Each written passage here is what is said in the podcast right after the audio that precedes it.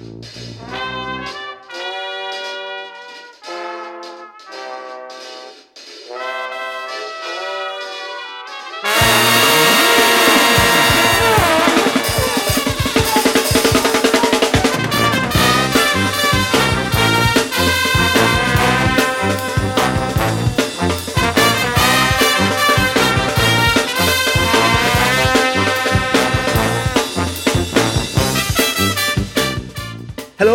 chroeso i benod 31 o Sbeidiau Heilo gyda fi, Llwyd Owen.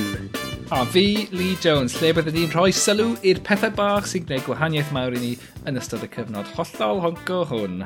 Honco bonco boes bach, ie, yeah, man, ni yn bodlediad, hollol annibynnol. Um, so mae hwnna'n meddwl bod ni'n wel, yn dibynnu arnoch chi yn gwrandawyr hyfryd i uh, rannu y gair fel petai, so os gallech chi, I don't know, rhannu ein negeseuon ar Twitter ac ar Facebook ac ar y socials a, I don't know, big on i lan, os mae hwnna'n yeah, Cymraeg da. Mae'n costio, ma costio dim byd i chi heb law am eich hunan barch, so... Uh, come on. Hei, yeah. Lloyd, ti'n ti'n uh, ti gwisgo cardi hyfryd, dwi'n gweld heddi ma. Diolch yn fawr, ti'n offa. Ti di, uh, yeah, fi, fi... di troi'r uh, Grace Canolog ymlaen eto? Na, fi, fi jyst wedi dechrau gwisgo fy, fy nghardigan eto. Ac um, mm. yeah, oedd oedd na, ma, ers, ers i'r lockdowns ddechrau, my god man, mae bron dwy flynedd yn ôl nawr, ynddo fe, ond yeah, fi, fi, fi basically, fi'n fi sort of 70% comfy pants a mm -hmm. 30% cardigan erbyn hyn. Ie, yeah, prynes i, prynes i tracksuit Adidas yn ystod y cyfnod clo cyntaf, ac honestly, uh, buddsoddiad gorau dwi erioed wedi gwneud. Oedd e'n two-piece? oh yeah, bottoms, bottoms a jacket, ac um, ti'n bod, llwyth o bobl o dwyrain Ewrop yn byw rhwng fel yma, so dwi'n ffitio mewn yn ffain pan dwi'n cerdded lawr y stryd fawr. Wyt ti'n gadael y tŷ yn gwisgo'r two-piece, though? Ambell waith dwi wedi, yeah? do. Oh, nid, nid, nid, i, ti'n bod, nid i fynd yn bellach na, ti'n bod, Tesco local rwy'n dy gorna. Beth yw e, Tesco yeah. Metro? Yeah. Yeah, yeah lovely. That. Yeah, yeah, prynu sausage o'r posgi, o posgi sgled. Ti'n yeah. ti, ti, ti cael disgwnt uh, y brodorion fyna yn uh, gwisgo, gwisgo dy two-piece ag uh, mm. gyda dy farf a dy, a dy ben moel. Yeah. dim, bod, dim bod pawb o, o wlad pwyl yn foel, wrth gwrs. Um, Ond yeah, I don't know, fucking hell. What? Dig your way out of this one, Shut up, yeah. Shut up, you fucking twat anyway. The ramblings of a madman. Um, mm. Yeah, so yeah, dyna'r intro. yeah. Nes i, sorry, nes i, dydw ti'n disgwyl fi ofyn am dy gafdi di. Nes i really so. Dwi di taflu ti. Yeah, dwi'n sôn i'n byd dweud fyna. I can't take a compliment. na, na, yn amlwg. Yeah, anyway. Hey, so beth so be ti di bod yn gwneud? Well, I mean, be fi bod yn gwneud? I mean, I suppose highlight um, yr wythnos ers i fi weld ti. Um, yr, yr uchafbwynt, heb os, fi'n meddwl, oedd um, mynd lawr i seremoni dadorchuddio cerflun Betty Campbell yng Nghaerdydd yn, yn y dre, yng nghanol yr, um, y gwaith adeiladu parhaol sy'n mynd mlaen yna. So ie, yeah, hwnna dydd uh, mercher diwethaf. So, yeah. so lle, lle mae'r cerflun yma te? Wel mae'r cerflun um, rhwng pencadlys newydd y BBC a mm -hmm. pencadlys newydd Llywodraeth y Deyrnas Unedig. Boo! um, Ond on, on, mae'n so, rhywbeth, ma rhywbeth sy'n neud fi'n reit hapus bod cerflun o Betty Campbell um, sy'n edrych môr o didog hefyd tu allan i'r uh, i, i, i, i, i bencadlys uh, Llywodraeth Twriaidd uh, y Deyrnas Unedig. So, great man. Oedd e'n amazing. Mae'r peth hefyd, o'n i um, o'n i mor falch ohono fe gyda'r uh, cerflun yma yw pan mae... Mae yna ma wedi bod dros, dros y blynyddoedd diwetha, dros y kind of pimp i ddeg mlynedd diwetha, pan maen nhw wedi dadorchuddio cerflunau, maen nhw wastad wedi bod yn eitha siomedig ac yn edrych tipyn bach yn oh, crap. Faint, faint o gerfluniau ti wedi gweld, dude? O, oh, dwi'n mynd, dwi mynd i weld cerflunau home and away, ie. Yeah. Big fan. Ie. O, oh, na, oedden ni, oedden ni'n eistedd mewn traffic, oedden ni yn Newcastle, eistedd mewn traffic tu allan i St James's Park, a mae na cerflun shit o Alan Shearer yna. A dyn eistedd yn traffic, a dyma fy merch Aiden edrych tu allan i ffenest, pwyntio at Alan Shearer a mynd, art. Uh, so. Ti'n hoffi hwnna? Ie. Ond na, ond beth ni'n siŵr dweud i, mae ma, ma wedi bod yn eitha Mae wedi bod lot o straeon yn ddiweddar dros, dros y blynyddoedd diwetha, yn ewedig ar cyfryngau cymdeithasol o cerflunau sydd yn edrych yn shit. Ie, yeah, mae'n mae um, enwog o Ronaldo wrth gwrs yn dais i'r Ie, ie, hynna yw'r un... Ie, ond, um, felly, felly ti'n gwybod, oedd, oedd na risg o hynna'n digwydd i, i cerflun Betty Campbell, ond diolch beth. Oh, oh mae'n amazing. Cool. Mae'n ma cool yn dweud. Mae'r ma, ma cerflun ei hun, achos bust yw e, really. Mm. Um, so, ti'n mwyn, ei, ei gwyneb hi, ei ffen hi sydd fyna, ond mae'r manylion wedyn sydd oddi tan o'i ar y plinth fel petai, ar, ar, ar, ar y llwyfan yn, uh, yn anhygoel. Ac wrth gwrs, dim jyst hi sydd fyna, mae yna ma, blant o mm. gefndiroedd gwahanol, gem, gefndiroedd ethnig, um, um, ti'n mwyn, i adlywyrchu uh, gwreiddiau.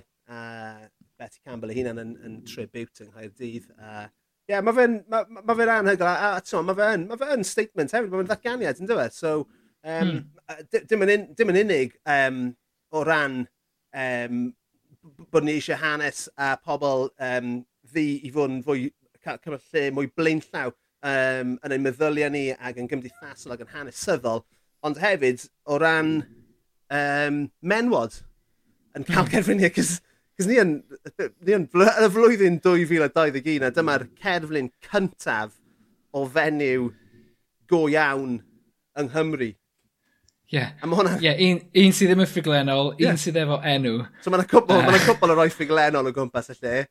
Ond yeah. dyma'r un cyntaf o, o berson go iawn. A mae hwnna fel tad i ddwy ferch. Am so ni'n... O'n i'n... Ni wedi bod yn trafod lot ar Betty Campbell rownd y, rownd y bwrdd bwyd wythnos yma.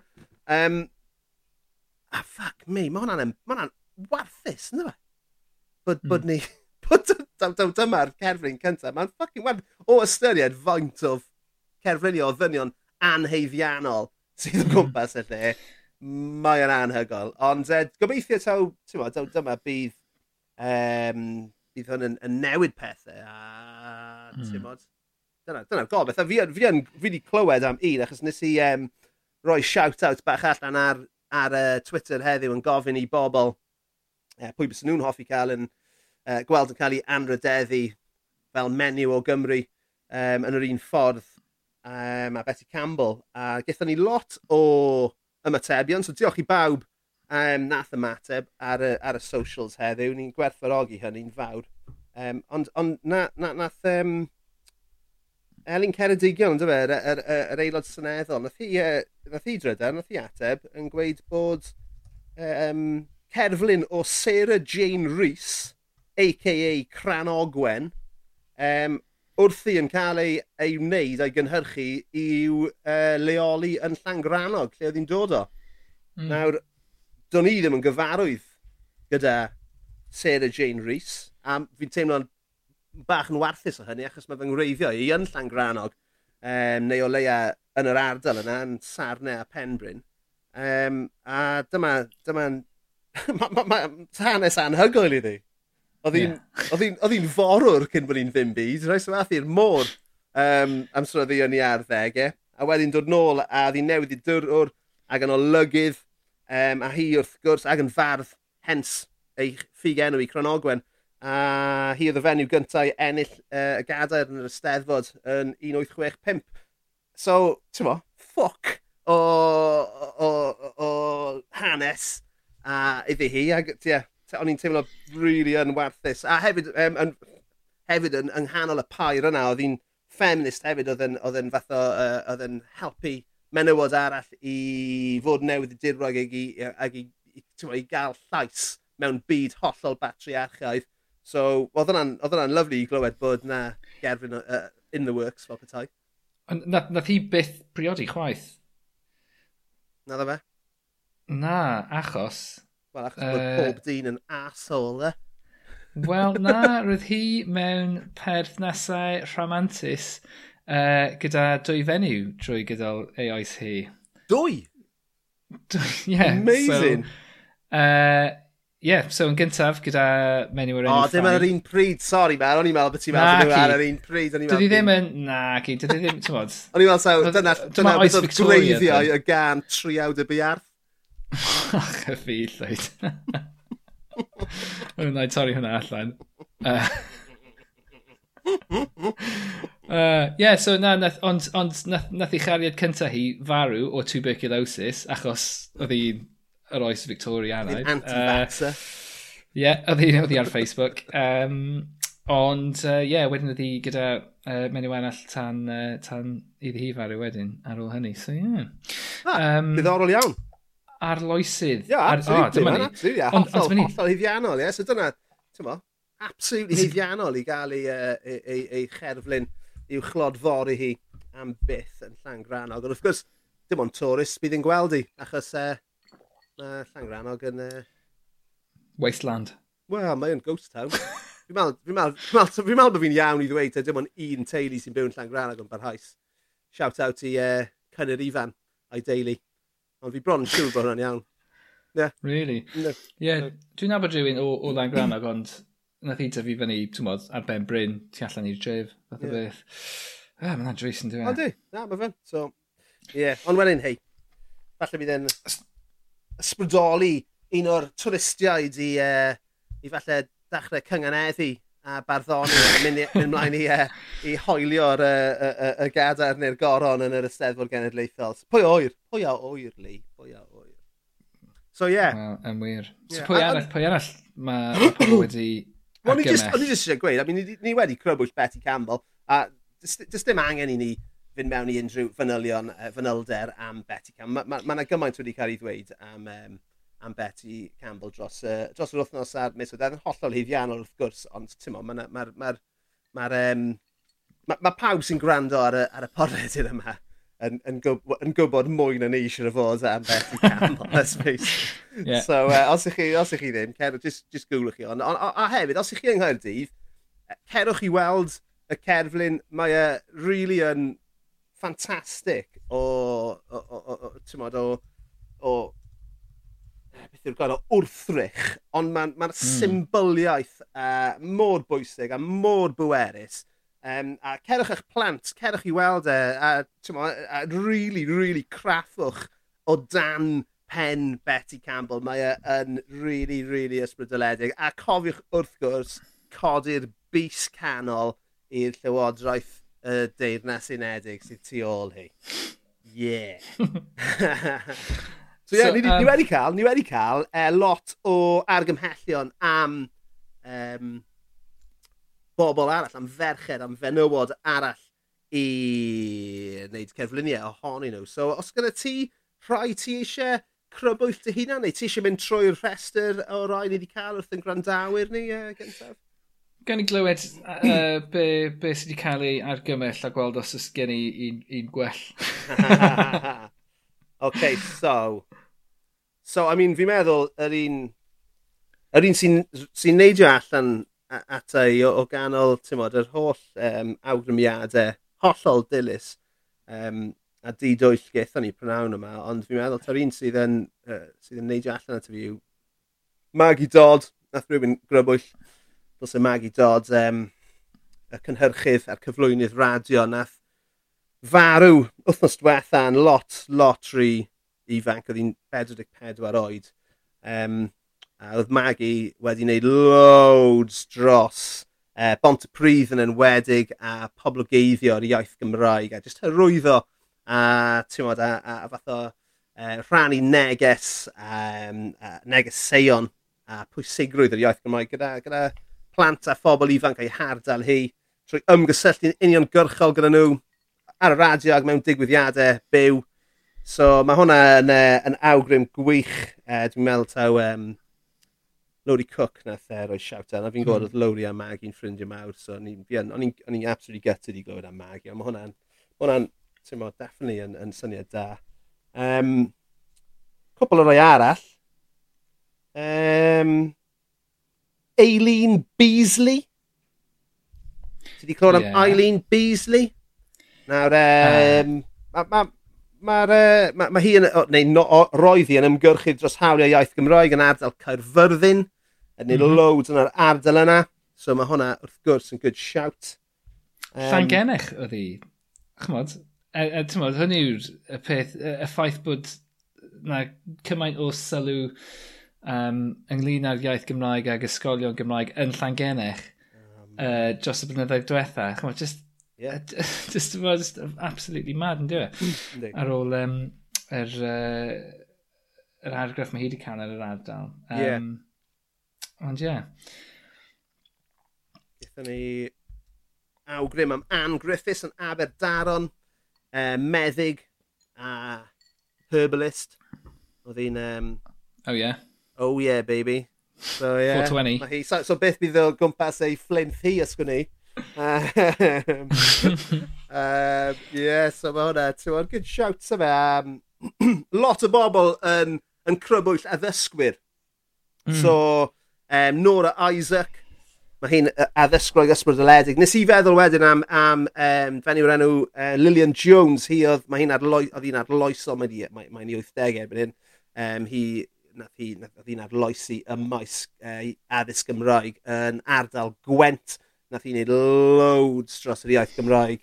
Um, achos os eid i nôl, tim ond i'r 80au, roedd Gwent yn, tim ond, yn ddiffaith iawn o ran yr iaith Gymraeg. A dyw hwnna just ddim yn wir erbyn hyn, um, mm. erbyn heddiw, a Lillian Jones yn hollol ganolog i hynny.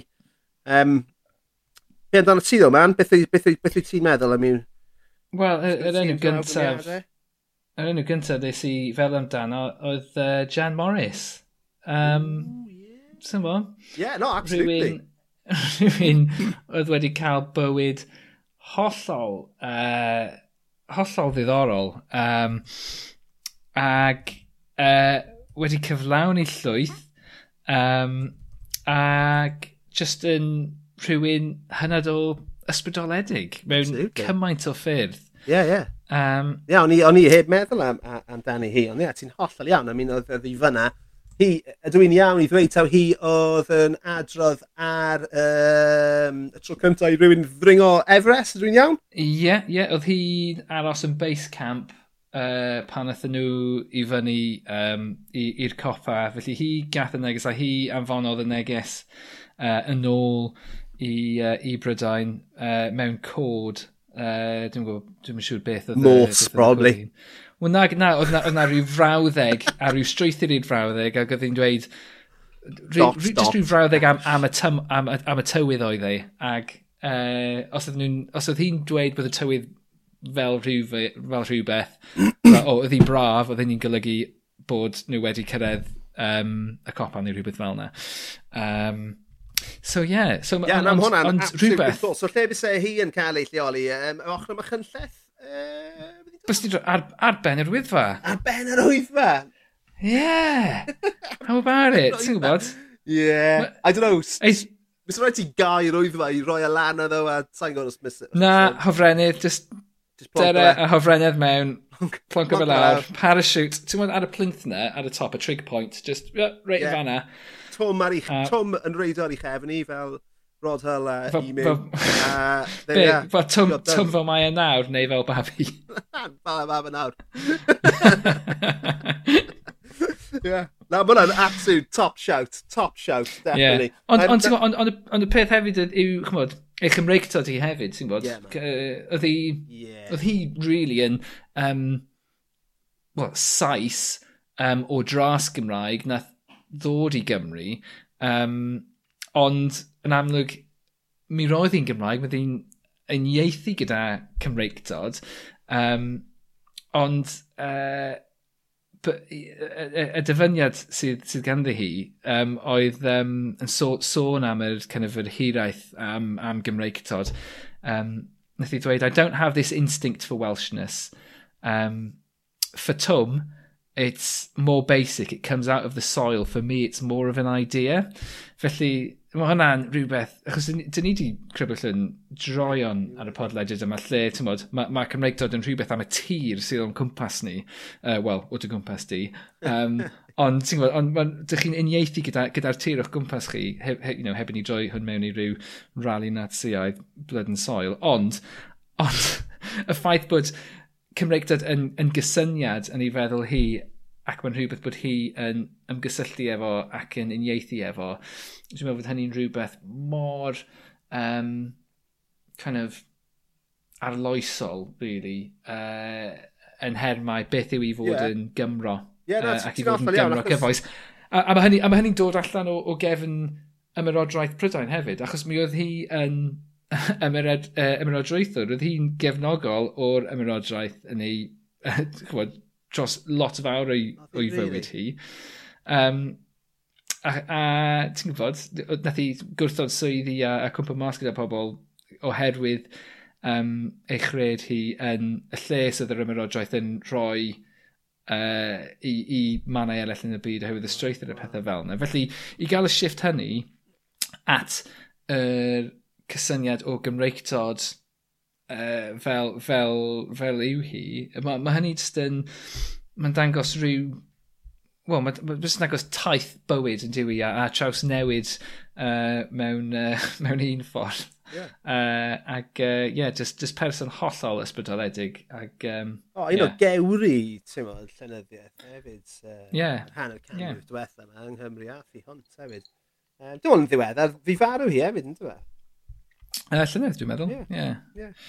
No, ti'n iawn. Colossal. Colossal. Um, Mae yna cwpl o bobl wedi um, awgrymu Jess Fishlock. Ti'n gwybod pwy mm. Jess Fishlock ti yn? Ti'n caru pel Mae'n chwarae pel droid, ie. Yeah. Mae y ffaith am, y ffaith, neu'r ystadegyn gwych am Jess Fishlock, fi'n meddwl, mae fe rhywbeth fel, mae tîm Merched Cymru wedi chwarae 140 gêm ryngwladol a mae hi wedi chwarae mewn 125 ohonyn nhw. A mae, a mae, mae wedi cael gyrfa anhygol, mae wedi chwarae yn uh, Iseldiroedd, yn Gwlad Belg, yn Lloegr, yng Nghymru yn amlwg. Mae, mae, mae dal yn chwarae yn yr Amerig, a mae hi, wrth gwrs, mae... Mae, mae, mae hi'n seren. Mae'r mae, oh, mae commitment ddo i Gymru yn anhygol, achos mae, mae mm. wedi, oedd hi'n byw, fi'n meddwl, hi'n chwarae yn Australia am, am spel, a dwi just ddim yn, dwi just ddim yn i methu gêm i Gymru. Mm ers bod i wedi bod ar gael i chwarae i Gymru. 125 o gapiau. Anhygoel. So ie, yeah, ah, gael dydd. So yes. Ti'n mwyn, geith geithi uh, flinth ti allan i, uh, i, i, i gau pil droid cael dydd, I guess. Bys hwnna'n ideal. Ie, yeah, wel ar ar drywydd um, uh, menfod o'r chwaraeon, fes ni'n uh, croeso cerflun o Jade Jones. Um, Goffi Jade Jones yw Taekwondo? Ie, yeah, pencampwr yeah. uh, taekwondo uh, Olympaidd dwywaith. Nath i fynd allan yn y rown gyntaf yn Japan. Do, do. Oedd hynny'n siomedig iawn, ond, ond mae hynny jyst yn dangos beth yw taekwondo. Dych chi'n gallu colli uh, yn syth bin trwy just un cic i'r pen, a dyna ni, a dyna... Yeah, na beth i gwyddoedd di, ynddo fe? Ie, ond, ond er hynny, mae hi dal yn... Chymod, just, just dim lot o bobl yn gallu amddiffyn um, teitl Olympaidd mewn unrhyw camp. Felly, y ffaith bod hi wedi gwneud hynny, mae hynny jyst yn rhyfeddol o beth. A hefyd, y ffaith bod hi'n dod o'n agos iawn i fi ac mae acen hi yn rhyfeddol o flintaidd. Just, os ydy ti eisiau clywed beth mae pobl o flint yn swnio fel, just ewch i rando ar Jay Jones, just, oh, dwi'n meddwl bod lot o bobl yn, yn falle, ddim yn meddwl fod y, fod y sŵn yn rhy, yn rhy swynol, ond Mae yna rhywbeth cartrefol i'w llais i fi. He is in the eye, of the, you know, they're the ears of the beholder fan hyn. Ie, dwi'n meddwl. yeah, man. I mean, ti'n fel, fel Robert J. Jones, uh, gallwn ni grybwyll Lauren Price hefyd yn y ennill. Mm. Air yn ddiweddar iawn yn y bocsio yn y gemau olympaidd, ond ar ben hynny, roedd hi'n bang campwr byd mewn kickboxing, fi'n meddwl, a mae wedi cael 50, yeah, di... cael 50 cap dros Gymru yn y pil pildroed. Ie, yeah, nid jyst bod hi wedi chwarae pel droi dros, dros Gymru, hanner can cap, mae hwnna'n... Hanner camp cap, Olympic champion mewn un, mewn un camp, a uh, pen pencampwr y byd mewn camp arall, so ie, yeah, fi'n meddwl. Mae ma hi fel, um, ma hi fel uh, y, y, y pobl chwaraeon o, o ddechrau'r ganrif diwetha yeah. yn diwy, lle oedden yeah, nhw'n chwarae cynrychioli yn wlad ym mhob dim. A ti'n meddwl, bys y Kelvin ond hi, fi'n meddwl, o ystryd mynach mae'n dod, fi'n meddwl, Yeah. So, bys hwnna'n gret. Oh. Welys di'r fideo hynny hi'n cael oh, man, oedd pawb allan ar y stryd. Oedd mrawd i fyna, ti'n gwybod. Mae mrawd i byw um, ddim yn bell o ystryd mynach. A ath y mrawd i lawr na, wedodd e bod yr un o'r pethau just mwyaf hyfryd, mae fe byth yn bod yn mm. rhan o. Yeah. just mor dwi'n galon. Ond yeah. yeah, hollol i ddianol. A, a hefyd, os ti'n siarad am throwbacks i'r um, ganrif diwetha, wel, dechrau'r ganrif diwetha, Uh, Mae'n gallwn ni gallu gynnwys non-Evans yn, uh, yn, yn hynny hefyd. Yeah. Non-Evans sydd... Uh, fi'n meddwl bod hi wedi cynrychioli Cymru mewn pedwar camp. O leiaf, ie, ie, ie. Rygbi yeah. yn sicr, codi pwysau. Judo. Yn sicr, judo yn sicr, a un arall. A fi'n meddwl bod un o'i wedi mynd i'r gemau Olympaidd neu i'r gemau gymanwlad yn y tri, neu falle'r pedwar camp. Ie, yeah. uh, o, oh, reslo oedd yr un arall. Ie, so ti'n eto, na, na mi mae hwnna'n Anna, mae fe'n ma rhoi ti yeah. ni, it's a shame. yn, so, yn, yn gemau'r uh, cyfan, cyfanlad? Gymanlad. Gymanlad. So, yn gemau'r gymanlad yn 2002, mae'n ceinio nath hi gynrychioli Cymru yn judo ac yn codi pwysau. Wow. Uh, yn yr un gem olymp? Ie, ie, ie. Wow. Ie, yeah, nath i ennill, nath i ennill uh, arian yn y judo. O nagi. Nath i ennill arian yn y judo yn 1992 a 1996. Sy'n just yn mental. A mynd i ennill uh, 87 cap dros Gymru yn chwarae rygbi. Oh my god, ma, yeah, no, so, yeah, yeah, ti'n siarad, ti'n mo. Os mae Gareth Edwards yn gallu cael, ti'n mo, cerflun yng, yng, yng nghanol, wel, ti allan i Peacocks, rhwng Peacocks a Debenhams.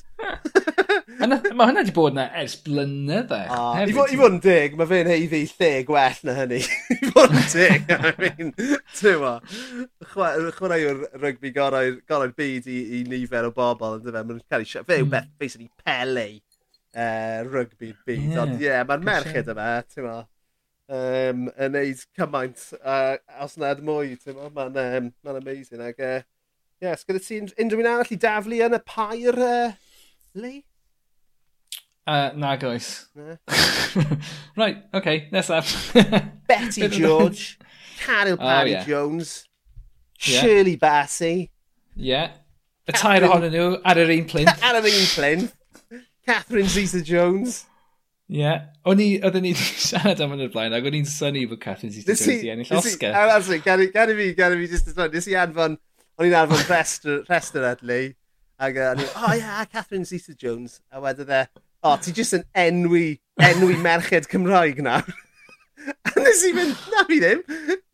A twa, i, i reini sydd ddim yn, ddim yn gwybod, um, mae di ennill Oscar, mae di cael, wel, nath i ennill Oscar am, am Chicago, nath i gael Oscar nom am Traffic, nath i ennill Golden Globe am Traffic, mae di ennill BAFTAs. Uh, hi, hi heb os yw actor, a fi'n meddwl actor benywaidd a gwrywaidd mwyaf llwyddiannus y uh, 30 mlynedd diwetha yma o, o Gymru heb, heb os. I mean, mae hwnna'n cynnwys mm. Michael Sheen uh, yn hynny. Mm. Yeah. yeah. Where's Rees. your Oscar? Wel, exactly, yma. A ti'n gwybod, a fi'n gwybod... Hwna di'r ffon mesur.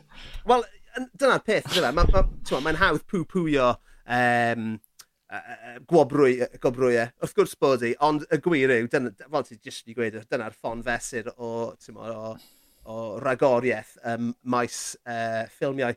A, yeah. well, achos, yeah. achos, a mae gyda hi... Pobl, ie, pobl y diwydiant sy, bod hi'n gweithio yn ddi, sy'n pleidleisio. Yeah. Dwi e ddim jyst yn chmod, grŵp fach o bobl na, na. a'i bar nhw. Y ddiwydiant llawn bod hi'n gweithio yn ddi. So, so yeah, yeah, Catherine Zeta-Jones wrth yr uh, cerflun wrth y skate park, tu allan i'r tŷ, y boi, beth yma, e, ca, oh, ca warehouse um, neu beth yma. E. Yeah. Beth yeah. What, oh, what yeah. Trade Centre Wales. Tell him Trevor sent you. Yeah, uh, yeah. yeah. um, so yeah, mae pawb, adlas yn nhw cael fath o, yeah, trwy ni'n honco bob tro mae car yn mynd heibio. Na, beth yna. E. It's not that. It's not that, yeah. yeah. So ie, yeah, dyna, dyna, dyna ni. Ag wrth gwrs, wrth gwrs, heb anghofio cerflun o dy fam di a fy mam i. Yn um, be, gyda gilydd? Ie. Okay, chwarae teg. Eli fyny No, dyna neis. Braf iawn. Lovely. All right then, that's it man. Ar, so, ar, yeah. bit, ar, ar y concrete beach ym Mhortcawl. Oh, mate, ar y concrete ar y troeth concrete fel, fel ti'n gweld, ti wedi gweld y pethau Anthony Gormley, lle mae'r llan nhw'n dod mewn a jyst yn boddi nhw. Ie, yeah. na'n union, na'n union beth. Ac nawn ni alw, nawn ni alw e yn y fam Gymreig. Yeah. So yna'n ffantastig. Right Lle mae'n grant ni? Dyn ni angen grant i wneud hwnna. Mae angen, mae angen Hugh Grant arno ni. right there. Mae, mae en gyfle i sort of arwen y byd hefyd yn dywe. Tyfo, ni di, ni di wneud hynny fel cenedl wythnos yma ar gefn ar droel cerflun Betty Campbell. Nath e, mm. ni hefyd wedi clywed bod hanes e, pobl beim o Gymru yn mynd i fod yn rhan o'r cwricwlwm newydd hefyd wythnos yma. Um, wrth gwrs mae hwnna wedi dod allan ar fucking nut jobs um, right wing.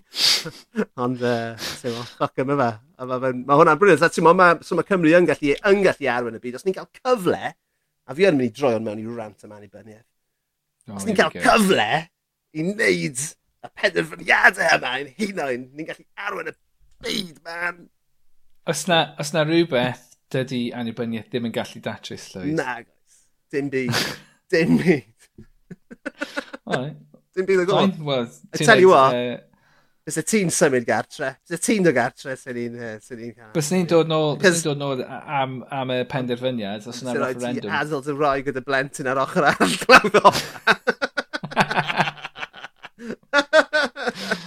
Yeah, strict, strict visa policy. Oh my god. So yeah, I mean, ti'n we're off to a flyer. I mean, mae ma, ma, ma, ma pwnc, mae just y pwnc uh, intro wedi wneud ni, y ddau ni'n eitha hapus, fi'n meddwl, wrthnos yma, cyn dachau. Yeah. So, um... Rhywbeth bach neis. So, yn mynd yn, yn wel, falle yn adeiladu ar hynny, beth, beth yw y peth swyddogol sy'n dwi'n gwneud di'n hapus yr wythnos yma, Llywyd? Wel, wythnos yma, rhywbeth arall sy'n gwneud fi'n eitha hapus yw prynu darlun newydd. Oh, you wanker. That's it, man. That's it. Nes i, an... fi'n mynd i beth, wel, yr unig beth gallai alw uh, digwyddiad yw Hipster Market, bob di Sadwrn, yn Ystym Taf yng Nghaerdydd. O fe'n lle bach lyflu. Mm -hmm. Ai, ti'n gwybod be? Nes i, nes i dalu peder pint am dorth. Ac o'n i'n meddwl amdano oh, ti. Yeah. o'n i yn. Oh, Sorry. absolutely gorgeous.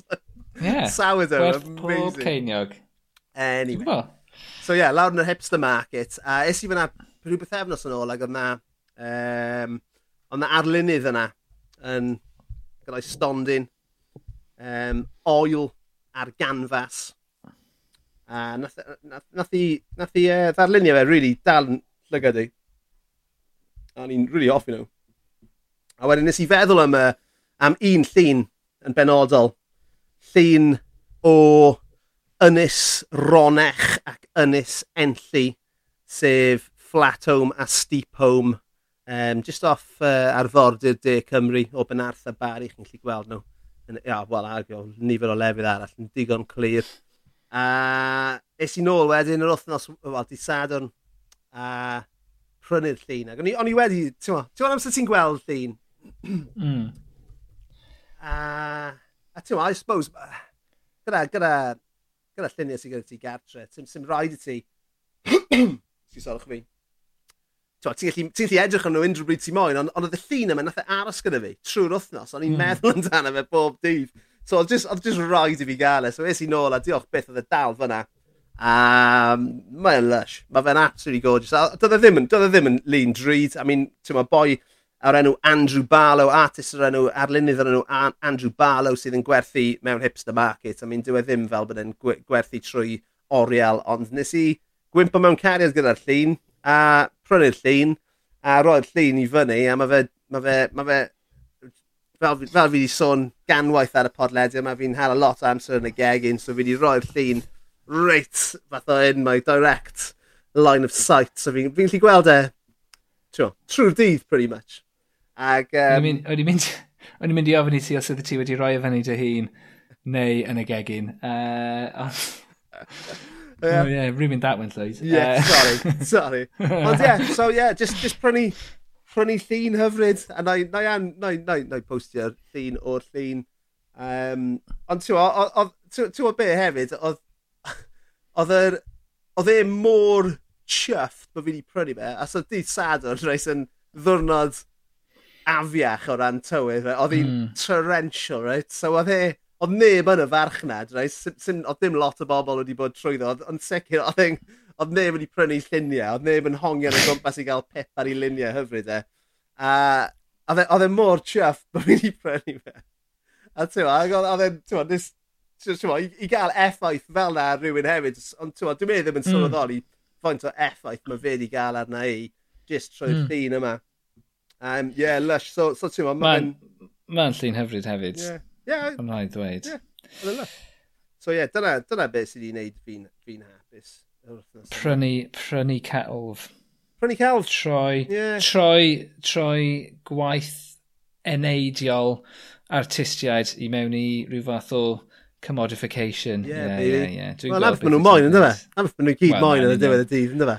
Yeah, a fan ni yeah. ni gyd mae'n ar diwedd y dydd. E? That's the deal. That's yeah. the deal. I don't know. So, o'n i wedyn yn meddwl am roi o'n hoff ar, ti'n mo, ar linwyr i o mm. Gymru yn benodol hefyd. Achos mae ma Cymru yn frith ac yn, mo, yn, yn, yn gyfo gyfoethog iawn o ran artistiaid. Just off top fy mhen, o'n i'n meddwl am John Abel.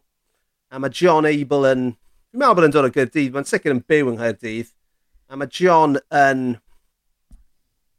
yn cael ei ysbrydoli gan chwedloniaeth a hanes Cymru ac yn peintio um, well, a, wneud, a wneud woodcuts anhygoel o hmm. dda mm. o yn syniedig ar, ar, ar chwed, chwedloniaeth Cymru a tua deg mlynedd yn ôl sorry man, is i i um, i, i oriel lle oedd e'n cynnal lle oedd e'n cynnal um, ardan gosfa e, a nes i ddod yn rili really agos i dal i 600 pint am un o'i ddarna fe. Pa mor fawr oedd e? Oedd e'n huge, ie? Yeah? Oedd e'n fawr, oedd e'n mynd i lenwi wal. Lot o, lot o gelf. Ond y gwir yw, ar y bryd, o'n i just fel, oh, ti'n meddwl, beth, gallai just ddim neud e, right? Ond erbyn, er, os ti'n edrych ar prisiau waith erbyn hyn, maen nhw'n y miloedd. And it's like, oh, fuck, os i'n mynd i wneud hwnna. A, mae rhywbeth, rhywbeth tebyg yn wir am um, boer nhw Meirion Ginsberg, ti'n dod draws fe? Na, dda. Oh my god, mae Meirion Ginsberg, mae fe o Ogledd Cymru. Fi'n meddwl, falle ochr ochre, ochre ti, um, fi wedi gweld um, mm. un o'i sioe fe yn Llandudno a hefyd yng Nghaerdydd. Mae Meirion yn bennaf yn neud um, portreadau reit surreal Um, oh, mae luniau fe'n amazing. Yn debyg i John, a mae hon, ma hon mor hipster thing i weid, ond mae, mae, fi, fi really'n caru ei gwaith cynnar nhw. ond, yeah. a, a dim ei stwff diweddara nhw. Ond fel artistiaid, chi wastad eisiau uh, datblygu a wneud rhywbeth newydd. Chi ddim eisiau aros yn yeah. peth, wrth gwrs bod chi ddim. Ond fel, fi'n lli cofio gweld lluniau John a Meirion, lluniau, ti'n fi'n siarad deg mlynedd yn ôl, a cwmpa mewn cadig gyda nhw. Ond erbyn hyn, dwi ddim, dwi ddim, yn, dwi ddim yn fan mawr o be maen nhw'n neud erbyn hyn, ond mae stwff cynnar nhw yn just yn oh, anhygol. Sa'n gwybod ble maen nhw os maen nhw mewn e, uh, casgliadau preifat neu os ydyn nhw yn, mo, yn rhan o'r fath o casgliad cenedlaethol erbyn nhw'n dylsyn nhw fod. Mm. So, yeah. Dau, well, dau, di... yeah. Wel, mae yna ambell i, i uh, artist dwi'n hoffi eu waith nhw o, o'n bell. Uh, nid, nid cweit ni'r un ffordd y ti, Mr Moneybags, cyfieithu mynd yn dda ydy e. uh, ond, uh, ti'n gwybod, ar, ar y we ac ar Instagram, mae un uh, dwi'n hoffi yw uh, Seren Morgan Jones. Um, nawr, mae hi, uh, mae ganddi hi arddill, um, arddill, arddill wych lle mae'n ma eitha, uh, eitha unigryw, wel, falle'n unigryw, wel, mae'n Mae'n amlwg taw, taw ei waith hi yw e pan wyt ti'n gweld uh, oh, ei waith yeah, hi. O, man, ie, fi yn gyfarwydd gyda'i gwaith hi. Ie, yeah, felly mae'n ma eitha debyg. Os ydych chi eisiau meddwl... Os ydych chi eisiau rhyw cymhariaeth diog off top eich pen oh, chi... Oh, please. Uh, meddyliwch, meddyliwch am Frida Kahlo. Ah, yeah. Ag oedd Frida Kahlo yn amlwg yn gwneud portreadau uh, eitha surreal, ond beth oedd hi'n defnyddio lot o hefyd oedd uh, gwisgoedd um, gwerin Mexicanaidd. Be mae Sarah Morgan Jones yn gwneud yw gwisgoedd uh, gwerin Cymreig, felly mae yna lot o uh, fenwod mewn gwisg traddodiadol Gymreig, chymod, hetiau a sioliau a pob dim, ond gyda lliwiau llachar yma, um, ac, uh, yeah, just lluniau dar luniau Oh, maen nhw'n amazing. Maen nhw'n amazing. Chwer y teg. Absolutely yeah. stunning. Ag, um, ag un arall dwi'n dwi, dwi caru gweld ei waithau uh, ar Twitter, um, artist o ardal Wrexham o'r enw Mikey Jones. Um, a eto, arddull hollol unigryw lle dych chi'n chi gwybod yn syth bin taw ei waith e, dych chi'n edrych arno fe. Mae fe'n uh, peintio uh, tirluniau uh, fel arfer, um, a maen nhw'n eitha... Mm, beth yw'r gair? Maen nhw'n eitha kind of llachar ac yn... Um, dyn nhw ddim yn, dyn nhw ddim yn realistic, ond maen nhw, maen nhw yn fath o beth. so, um, ti'n edrych yn yna nawr? Sut bys ti'n disgrifio, disgrifio yeah. rhain? Maen nhw'n... Maen just, oh, dwi'n caru, dwi'n yeah. caru ei waith. Ond ie, yeah, ond hefyd achos, achos mae fe'n... Ie, yeah, yeah, ti'n hollol iawn. ...dod o Wrexham, mae'n ma, lot o'i dirluniau fe o'r ardal Leon. hynny hefyd. Ie, yeah, ond mae'n, yn amlwg, mae artistiaid yn gwybod sut i, uh, sut i wneud arian, mm. felly maen nhw'n uh, gwneud tirluniau o uh, ardaloedd uh, Eryri hefyd, achos dyna be mae pobl eisiau. Mae pobl, yeah, ma pobl fel fi eisiau tirlun o uh, tryfan ar ei wal. Dyna beth dwi eisiau. So, uh, yeah. Mae yna ma, ma artist arall. Yeah. Dwi'n methu cofio ei enw hi. Dwi'n caru waith hi. Pob tro mae hi'n dweud bod hi'n gwerthu lluniau newydd. Dwi wastad yn mynd i edrych a wastad yn meddwl, o, oh, dwi ddim yn gallu talu campynt am hwnna. Ond mae hi'n amazing. Mae gennych hi gath sydd yn... Mae hi'n postio lluniau o'i gath hi trwy'r amser sydd yn torheilo ar ei gefn a'i, ai, ai uwchbenni oh, i ben. Sarah Evans yw enw hi. Sarah Evans, dyna hynny. Ie, yeah, yeah, yeah. iawn. Anyway. Mae hi'n neud, mae hi neud tirluniau a fath o môrluniau hefyd. Uh, lot o yeah, yeah, môr yeah. ar tonau. Iawn, fi'n siŵr sure, so Sarah Evans yw'r enw'r artist ti'n cyfeirio. Efe Sarah... Gad i fi just double checkio edit point. Yeah, Sarah Evans. Yeah. Sarah Evans yw i. Uh, yeah, a, a, yeah, fel ti'n dweud, tirluniau, mor luniau, a maen nhw'n kind of, maen nhw'n eitha impressionist, uh, debyg, debyg, ti eisiau cymhariaeth diog arall? Oh, God, ydw, please.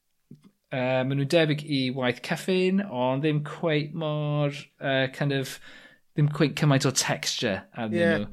Um, maen nhw'n mwy dramatic na rai cyffin, fi'n meddwl, ond dyn nhw, maen nhw'n yeah. allai bod mwy o, sa'n gwybod, mwy o gynnawd. Ti'n bach mwy, ie, yeah, ti'n bach mwy realistic dwi'n meddwl. Ond, ie, uh, yeah, pob tro mae hi'n uh, rhan yeah, dolen yw, etsi hi. Dwi'n edrych, dwi'n edrych a dwi'n gweld, oh, dwi eisiau, dwi eisiau'r llun yna o Dryfan, achos tryfan yw fy, yw fy hoff fynydd yn y byd. Beth yw'r mwyaf ti wedi gwario ar ddarlun Lizers Jones? Oh, gada fi edrych tu ôl i fi, beth sydd yma? Uh, Dwi'n siŵr dim mwy na rhyw 30 pint. Um, yeah, nid lot. Dwi, dwi, byth, dwi byth wedi gallu fforddio, dwi byth wedi cael unrhyw uh, disposable income erioed yn fy bywyd. So, well, yeah, well, gyda'm plentyn ni, yeah, tell me about it. Um, uh, God, mae ma gwarchod plant yn ryd, dwi'n e? Fucking hell. Um, anyway, um, dwi ddim yn cwyno, dwi'n ei charu hi. Um, ond, ie, ti a, ti a, wel, Gobeithio yeah, wneud i dyfu lan i fod uh, yn gallu peintio fel Mackenzie Beard, right? Oh Did my god. Mackenzie Beard? Talk about a cash cow. Fucking hell. Mae ei rieni hi e? yn mynd i ymddeol. oh my god, so Mackenzie Beard, mae hi'n be, 40 no yeah. oed? Yeah, absolutely. A nes i ddweud wrth y ti, cyn i ni ddechrau recordio, dydy ti ddim yn sylwi hwn, nath hi ddim ond dechrau peintio ar ddechrau'r cyfnod clo cyntaf. A mae ei lluniau hi yn mental o dda, dyn nhw? Mm, mae'n anodd credu hynny, i fod yn onest. Mae ma, ma wedi bod dros y Twitter's fears heddiw, ac dros yr, dros yr wythnosau diwetha, really. Mae wedi ma, wedi ma cyhoeddi neu rhannu llun diweddar o'i dad ci hi a llun cwbl o fusoedd nôl o ffarmwr lleol yw lle mae'n byw fi'n mm. meddwl.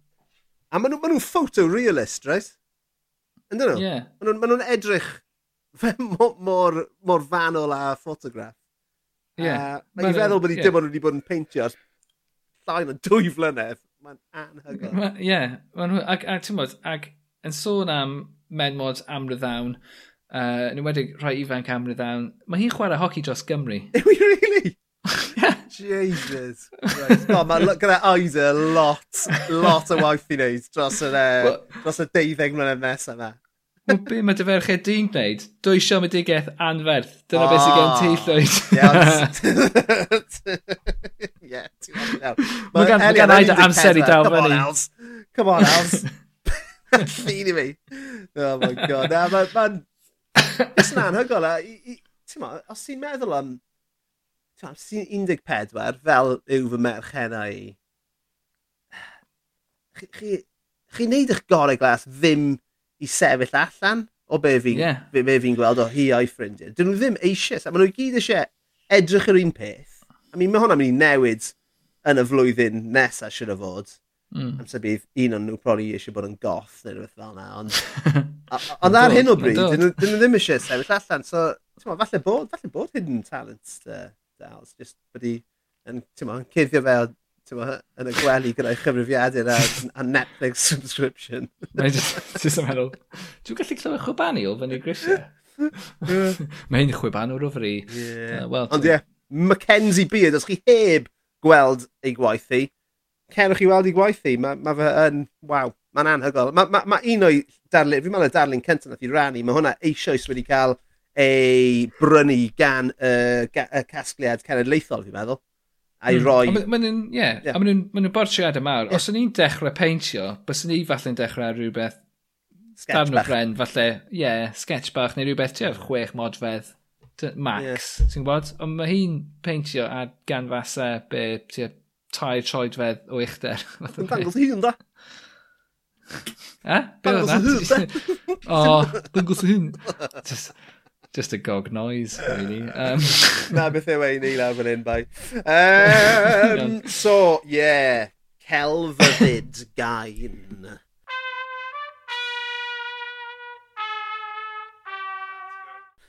Lee, os yna rhywbeth wedi gwneud ti'n hapus wythnos yma? Gobeithio bod na. Uh, neu fel arall ni'n gweud tyra nawr. well, o'n i'n meddwl, o'n i, uh, o'n i, o'n i, o'n i'n teimlo fa, tipyn bach dan bwysau heddi, ac o'n meddwl, oh shit, dwi angen meddwl am rhywbeth. A nes i feddwl am rhywbeth y diwrnod o blaen, ond nes i anghofio, felly o'n i dan bwysau, a nes i... Nid o diadau, man. Ah, oh, come on. Pymyd y podledydd yma o ddifri. Oh, you fucking swat. Um, os o'n i eisiau gwaith catch-up, os ni'n ffacin hongian round yn yr ysgol o hyd, Lloyd. Oh, um... neud hwnna, man. That's a recipe for disaster. A an oedran di.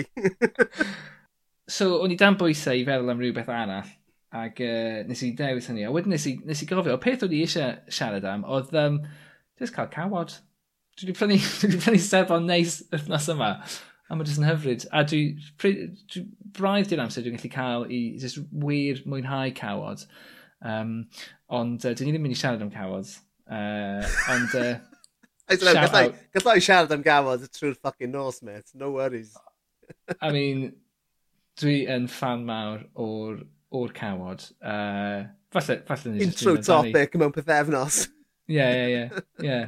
Ond na, so, so pwnc dwi, dwi wedi dewis, a, a ti wedi prepio amdano, siŵr o fod. Ie, yeah, wneud yw... intro prepping, let's face it. Na, na. uh, yw, um, Arnold Schwarzenegger, achos mae yeah. ma, ma Arnie yn dod â lot o hapusrwydd a fodlonrwydd i fy NID mewn lot o ffyrdd. Um, right, disclaimer, disclaimer yn gyntaf, right. Um, os ydych chi'n ei ddilyn e ar Twitter, falle ddoe uh, byddwch chi wedi sylwi ei fod e yn dweud pen blwydd hapus yw fa be. Um, beth yw enw ei fab e. Uh, y mab gath e, y plentyn clawdd a fferth fel petai. Uh, yn union, so uh. dyna, dyna pwy. Oes sy'n lot dyna, o scandal yng nghlwm a Arnold Schwarzenegger ar wahan i'r un peth yna, reit? Ie, yeah, so, a, a dyma'r thing, so, uh, ei fab Joseph, nath e, nath e gael ei eni pum diwrnod ar ôl mab iengaf uh, Arnold gyda ei wraig e. No way! Um, so, oedd, oedd, oedd ei wraig ac ei, uh, ac yr housekeeper, staff y tŷ, oedd y ddwy ohonyn nhw'n feichiog ar yr union oh. yr un pryd. uh, ond, so, disclaimer, right, di Arnie ddim yn berson uh, sydd wedi trin menwod yn, yn dda ac yn dig e dros ei fywyd. Ond, ond mae'n ymddiried yn y peth. Mae'n rhoi ddwylo fyny a, a ti'n gwybod, nid fod hynny'n esgysodi e, ond mae fe yn deall uh, y niwed mae e wedi gwneud dros y blynydde o um, ydy, what, ydy calaffirs a bob dim. dal gyda un o'r menywod?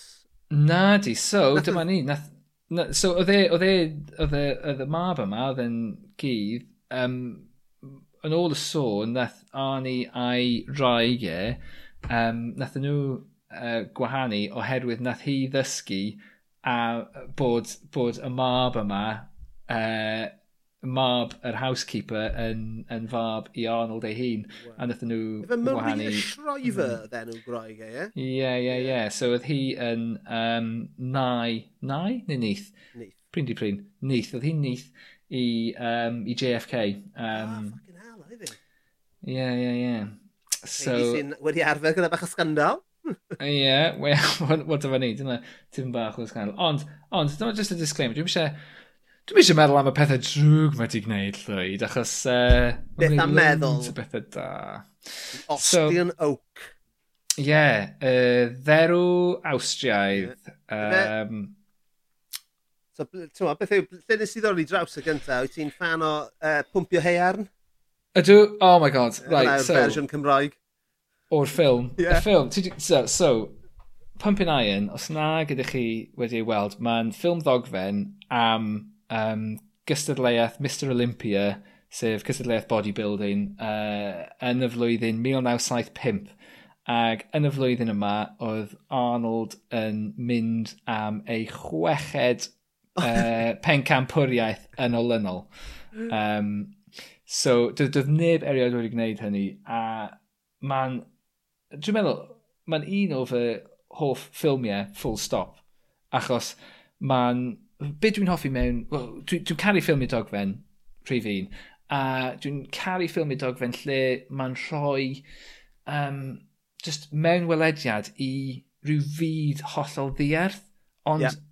byd byd mawr cynhwysfawr sydd yn golygu lot i'r bobl sydd yn byw yn ddi. Felly, felly t'mod, y byd o, o bodybuilding, dwi'n gwybod dim byd amdano fe, ond ma' ma' amlwg yn rhywbeth holl bwysig i llwyth o bobl a'r pobl sydd yn y ffilm dogfen. Ffilmio fel um, King of Kong, lle mae pobl yn chwarae Donkey Kong, mae hwnna'n mental yeah, yma. Yeah, achos, achos, achos, achos, dim, dim ots da fi pwy sy'n ennill pencampwriaeth Donkey Kong y byd neu beth bynnag, ond mae gen i ots am y bobl ynddo fe oherwydd oherwydd mae, mae o bwys iddyn nhw, chymod? Felly dwi'n caru pethau fel yna. So, Pumping Iron yn just tick, tick, tick uh, i fi o ran beth sy'n dda. A Dim dyna'r peth cyntaf welys ti gyda Arnie, do, fe? Eh? Beth oedd y peth cyntaf i fi weld gyda Arnie? Um, Dwi'n yn siŵr.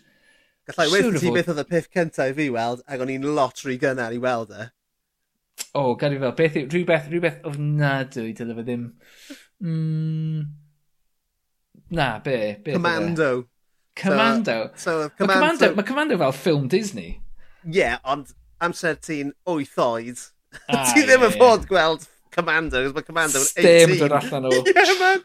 Oh, yeah. so yeah, nes i weld oh, Commando, Commando amser o'n yeah. i... Ie, yeah, o'n i probably 8 neu 9, a... Ie, yeah, nes i, ti'n fell in love gyda Annie yn syth a wedyn, oedd gyda ti run yeah. wedyn o ffilms amazing fel uh, Predator. Predator am y Predator yn dal... I mean, Predator yw un, un o'r unig ffilmiau Arnold Schwarzenegger sydd actually'n dal dŵr heddiw, reit? Stim lot, yeah. oes e? Achos he's... Cos fi'n gwybod bod ti'n caru fe, a fi ddim eisiau offender ti. Na, na. Dwi'n e ddim yn actor da, ia. E. Na di, na di. Ond, ond y peth gyda Arnie yw, mae fe'n gwybod ei... Uh, mae'n gwybod fod e ddim yn actor da. OK, a, ma, explain ma twins then.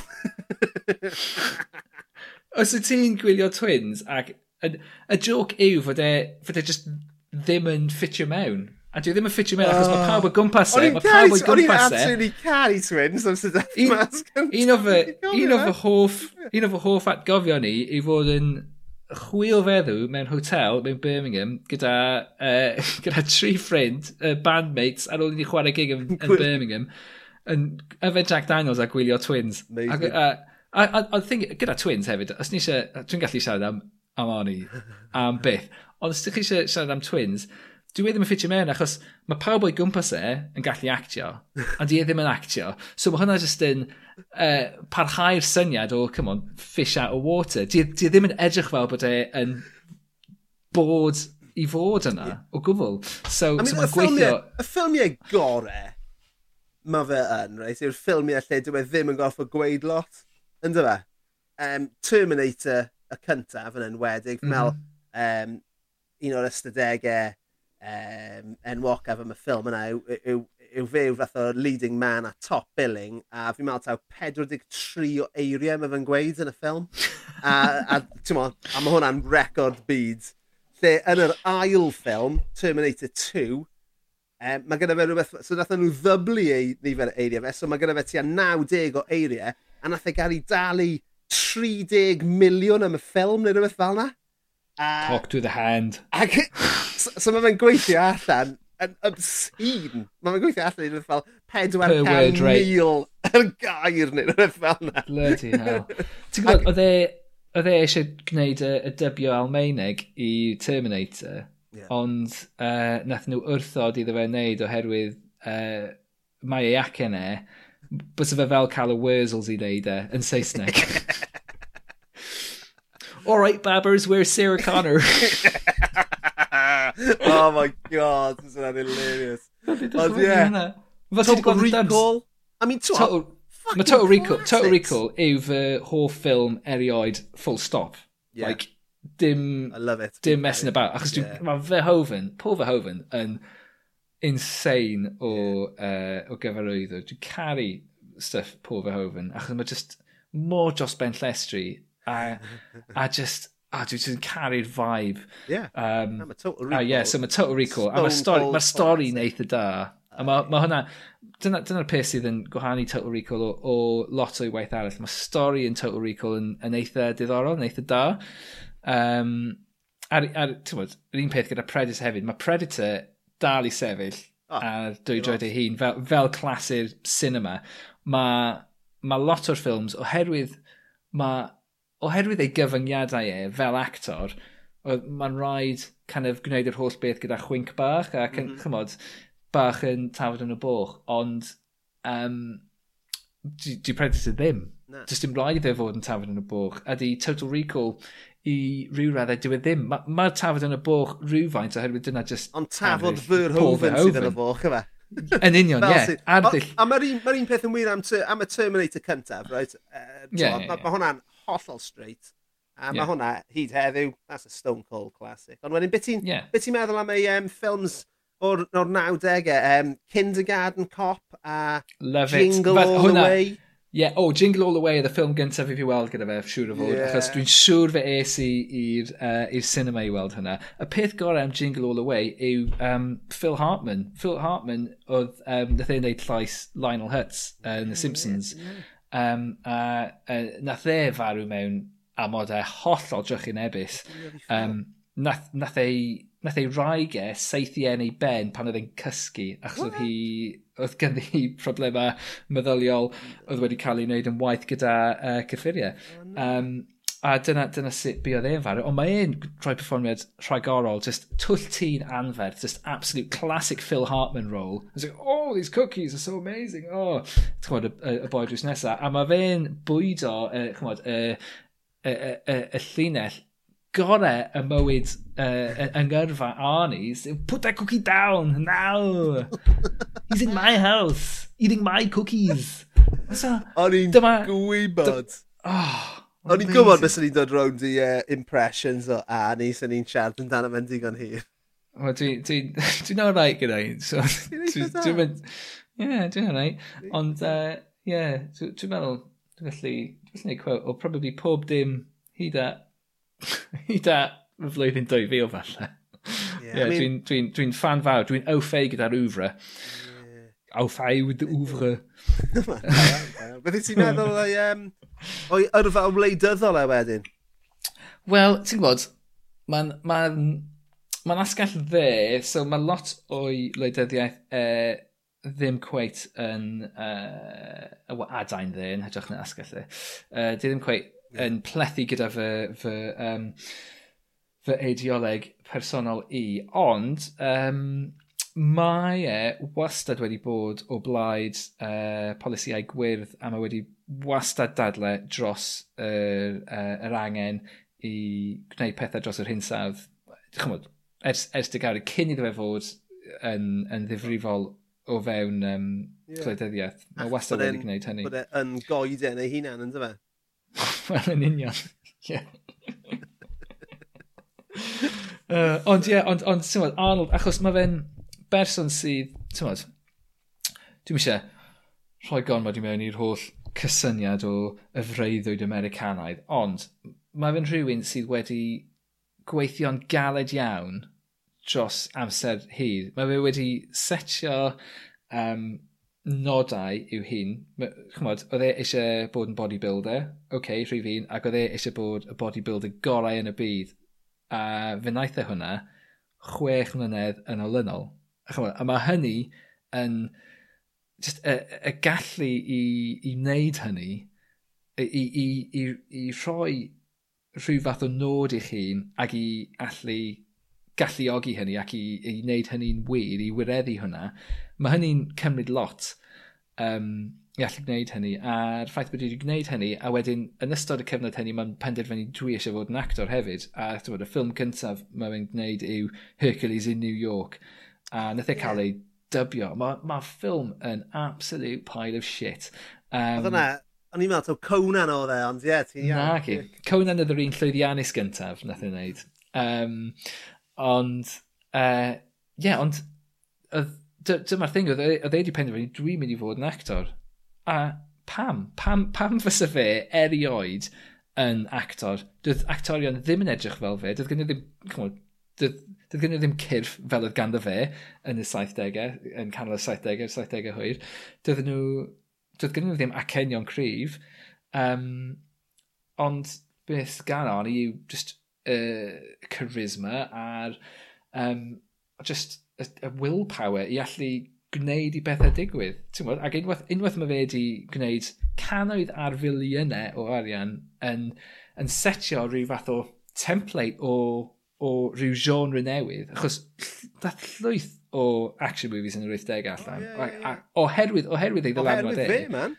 Yeah. Fe, I suppose, I suppose mae'n rhaid ti e, uh, roed sly Stallone yeah, yeah, mewn yeah. yn yr un, yn yr un um, yn yr yeah, un yeah. cae, I guess. Uh, Nethon nhw ddod yeah. trwyddo rwl beth tebyg, diwedd y 70au. Um, yeah. A wedyn gyda trafod Arnold yn neud Conan, Terminator, Predator, Commando. Y, y run yna oedd uh, mm. Oedd Sliced Alone erbyn hynny wedi wneud cwpl o Rockies a mewn i Rambo wedyn, oedd e'n yeah. Sly a, a, a Schwarzenegger. Um, Ond ie, ti'n iawn. Ma, ma, ma, nethon, nhw, nethon nhw newid fatha'r action genre yn llwyr i be... Nethon nhw creu'r action genre. Do, ti wedi yeah. gweld e hyd heddiw, dwyt? Ie, yeah. a, yeah, a ti'n gwybod, heb, heb Arnold Schwarzenegger, bydd gennych chi ddim uh, Dwayne Johnson. ti'n gwybod, Achos, achos mae, mae fe wedi camu'r llwybr yn gyntaf. Do, doedd dim llwybr yn bodoli o'r, or blaen i bobl gyda charisma a ddim gallu actio naturiol i fod mewn ffilmiau. Ac mae ma Dwayne Johnson, fe yw'r actor sy'n cael ei dalu mwyaf yn y byd, erioed. A di, a di ddim yn actor. mae fe yn lovely so, boy ddo, ynddo fe? Wel, ie. Yeah. lovely boy. mae fe'n yeah. ma dod o draws yn hyfryd.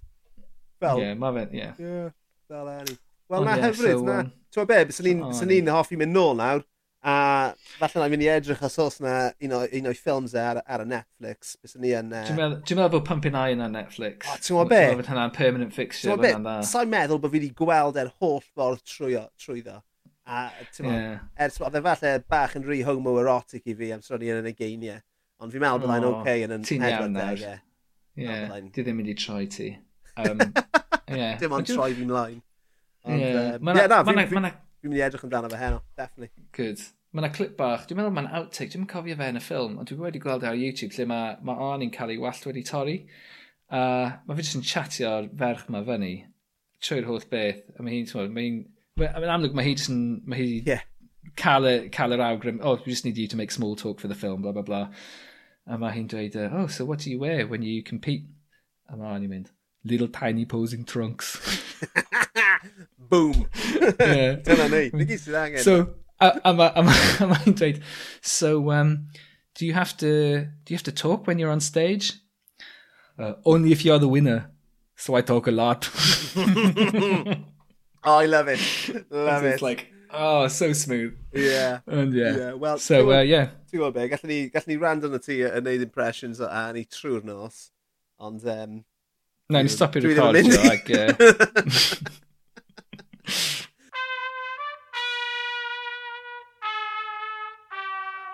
So, wyt ti eisiau gweud diolch wrth ein gwrandawyr mewn acen um, a llais a Arnold Schwarzenegger? Diolch i chi gyd am rando heno. Uh, just yn synnu fe fi'n dod o ffucking Canarfon. Um...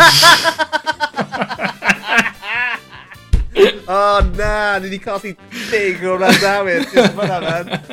O, peidiwch mynd, peidiwch mynd, dewch nôl. Um, and that bombshell. Diolch yn fawr i chi am rando. Uh, yeah. Cerwch chi wylio ffilms Arnold Schwarzenegger. A... Ewch chi brynu llwyth o gelfyddyd gan artistiaid annibynnol. Yeah. Rhowch, rhowch. Cerwch chi weld cerflun Betty Campbell os ych chi yn y brif ddinas. Um, diolch am rando. Dilynwch, rhanwch, tan ysgrifwch. Ie, yeah, peidiwch anwybyddu. Ni'n dweud anwybyddwch. Ie, na, ac Gwnewch, gwnewch da yn y byd. Ie. Yeah. Ie, yeah. a byddwn ni'n ôl wythnos nesaf gyda'r...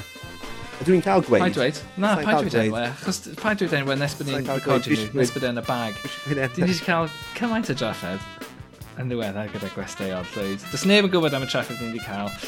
Uh, Ond achos dyn ni'n smooth. So Byddwn ni'n ôl wrthnos nesaf gyda gwest, gwestau arbennig iawn. Ti'r uwch. Absolutely. Yeah. Um, Tan hynny. Ie, yeah, diolch yn fawr yn rando. Ta-ta! Mm, to-to!